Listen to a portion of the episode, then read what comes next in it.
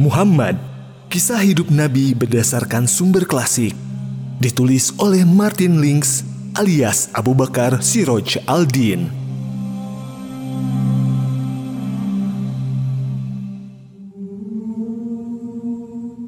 Muhammad hidup bahagia di Mekah bersama ibunya selama tiga tahun.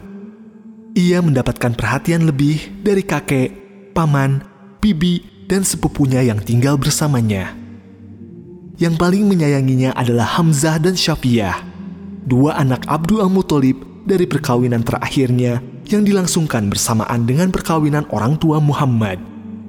Hamzah seusia dengannya, sedangkan Syafiyah lebih muda darinya, dan terjalin suatu ikatan yang sangat erat di antara mereka bertiga. Ketika Muhammad berusia enam tahun, Aminah mengajaknya mengunjungi seorang kerabatnya di Yastrib mereka turut dalam satu kafilah ke arah utara mengendarai dua ekor unta. Aminah menunggangi untanya dan anaknya menaiki unta yang lain bersama budak perempuannya yang setia, Barakah. Di kemudian hari, Muhammad menceritakan kegembiraannya saat belajar berenang di rumah saudaranya, keluarga Khosroj, dan bagaimana saudaranya itu mengajarinya bermain layang-layang. Namun, tak lama kemudian, saat perjalanan pulang, Aminah jatuh sakit. Mereka pun berhenti dan ditinggal oleh rombongannya. Setelah sakit beberapa hari, Aminah meninggal dunia di Abwa, tak jauh dari Yastrib, dan di sanalah ia dikuburkan. Barakah melakukan banyak hal untuk menghibur Muhammad yang kini telah menjadi yatim piatu. Ia membawanya kembali ke Mekah bersama satu kafilah yang lain.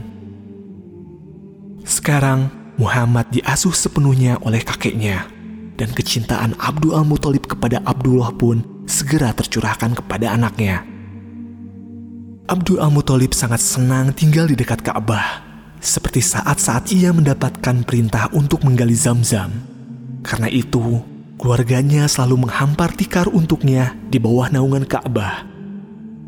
Karena sangat menghormati ayah mereka, anak-anak Abdul Al-Muthalib termasuk Hamzah tidak berani untuk duduk di atas tikar seperti itu. Tapi cucu kecilnya itu tak segan-segan duduk di atasnya. Jika para pamannya menyuruhnya pergi, Abdul Al-Muthalib akan berkata, Biarkan cucuku tinggal bersamaku. Demi Tuhan, masa depan yang gemilang ada di tangannya. Muhammad biasa duduk di samping Abdul Al-Muthalib di atas tikar itu dan menunggangi punggungnya. Abdul Al-Muthalib merasa senang dengan semua kelakuan cucunya itu Hampir setiap hari mereka tampak berduaan, bergandengan tangan di Ka'bah atau di mana pun mereka berada di kota Mekah.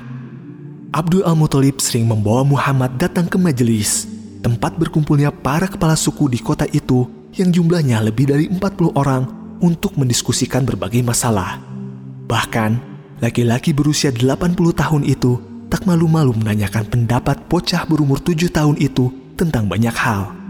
Saat Abdul Al-Muthalib ditanya oleh para sahabatnya yang terkemuka, ia selalu berkata, masa depan cucuku ini sungguh gemilang. Dua tahun setelah kematian ibunya, anak yatim piatu itu juga kehilangan kakeknya. Saat meninggal dunia, Abdul Al-Muthalib mempercayakan cucunya kepada Abu Talib, saudara kandung ayah Muhammad. Abu Talib melanjutkan perhatian dan rasa sayang kepada kemenakannya yang telah diamanatkan ayahnya kepadanya. Sejak saat itu, sang bocah dianggap anaknya sendiri, dan istrinya Fatimah berusaha sebisa-bisanya untuk menggantikan posisi ibunya. Di kemudian hari, Muhammad sering mengatakan tentang Fatimah bahwa ia membiarkan anak kandungnya sendiri lebih lapar ketimbang dirinya, sang kemenakan. Menjelang akhir hidupnya, kekayaan Abdul Al-Muthalib merosot Ketika meninggal, warisan yang ia tinggalkan untuk setiap anaknya hanya sedikit.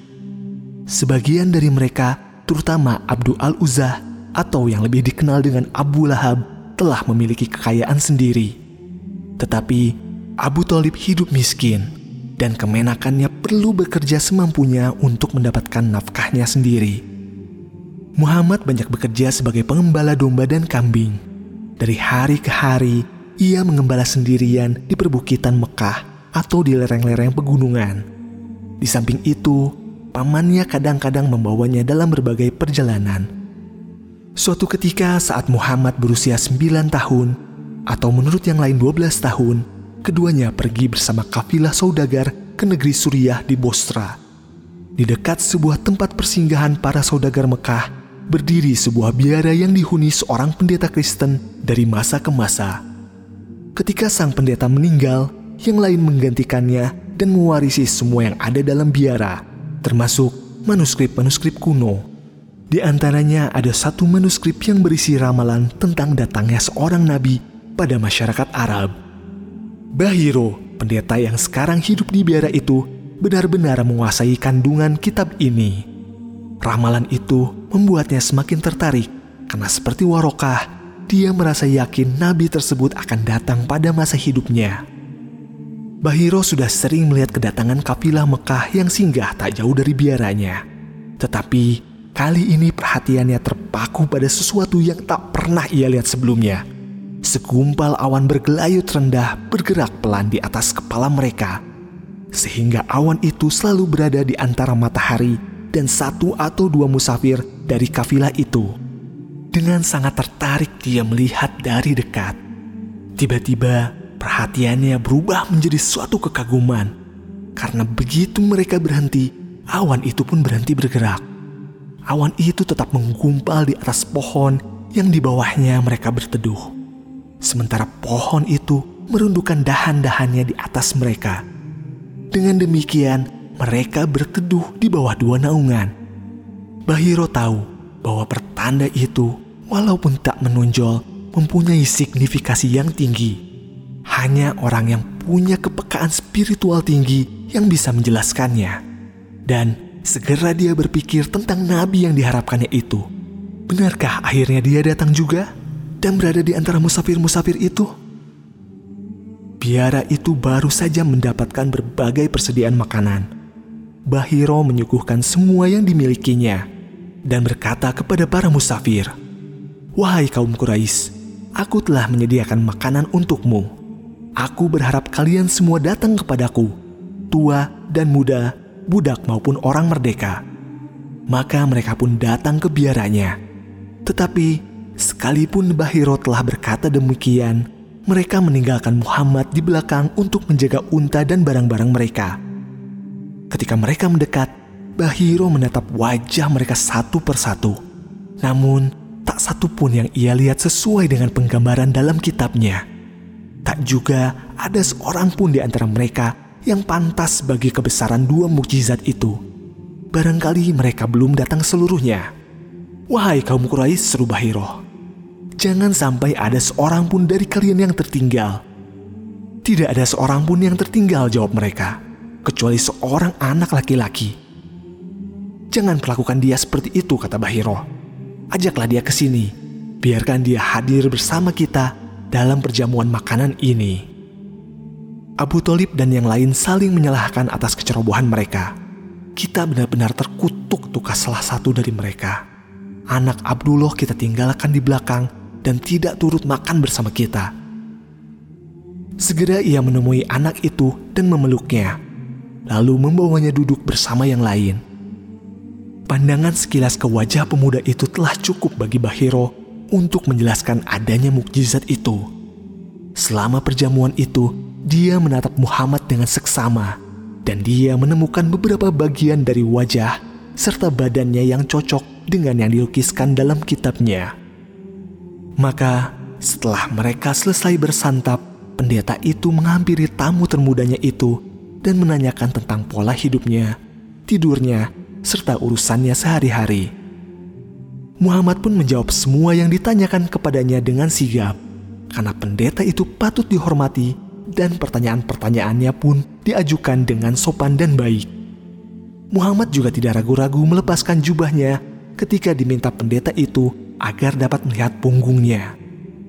Bahiro telah merasa yakin, namun kini ia semakin yakin karena di tempat itu, di antara dua punggung Muhammad, ada sebuah tanda yang ia lihat sebuah tanda kenabian pada tempat yang persis seperti apa yang digambarkan dalam kitabnya. Ia kembali kepada Abu Talib.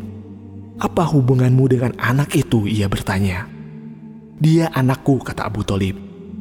Dia bukan anakmu. Tidak mungkin ayahnya masih hidup, tegas sang pendeta. Dia anak saudaraku, kata Abu Talib. Lalu, siapa ayahnya? Dia telah meninggal, jawab yang lain. Ketika pemuda itu masih dalam kandungan ibunya. Itu yang benar, kata Bahiro. Bawalah anak saudaramu ini kembali ke negerinya, dan lindungilah dia dari kaum Yahudi. Demi Tuhan, kalau mereka melihatnya dan tahu seperti aku mengenalnya, mereka akan berbuat jahat terhadapnya.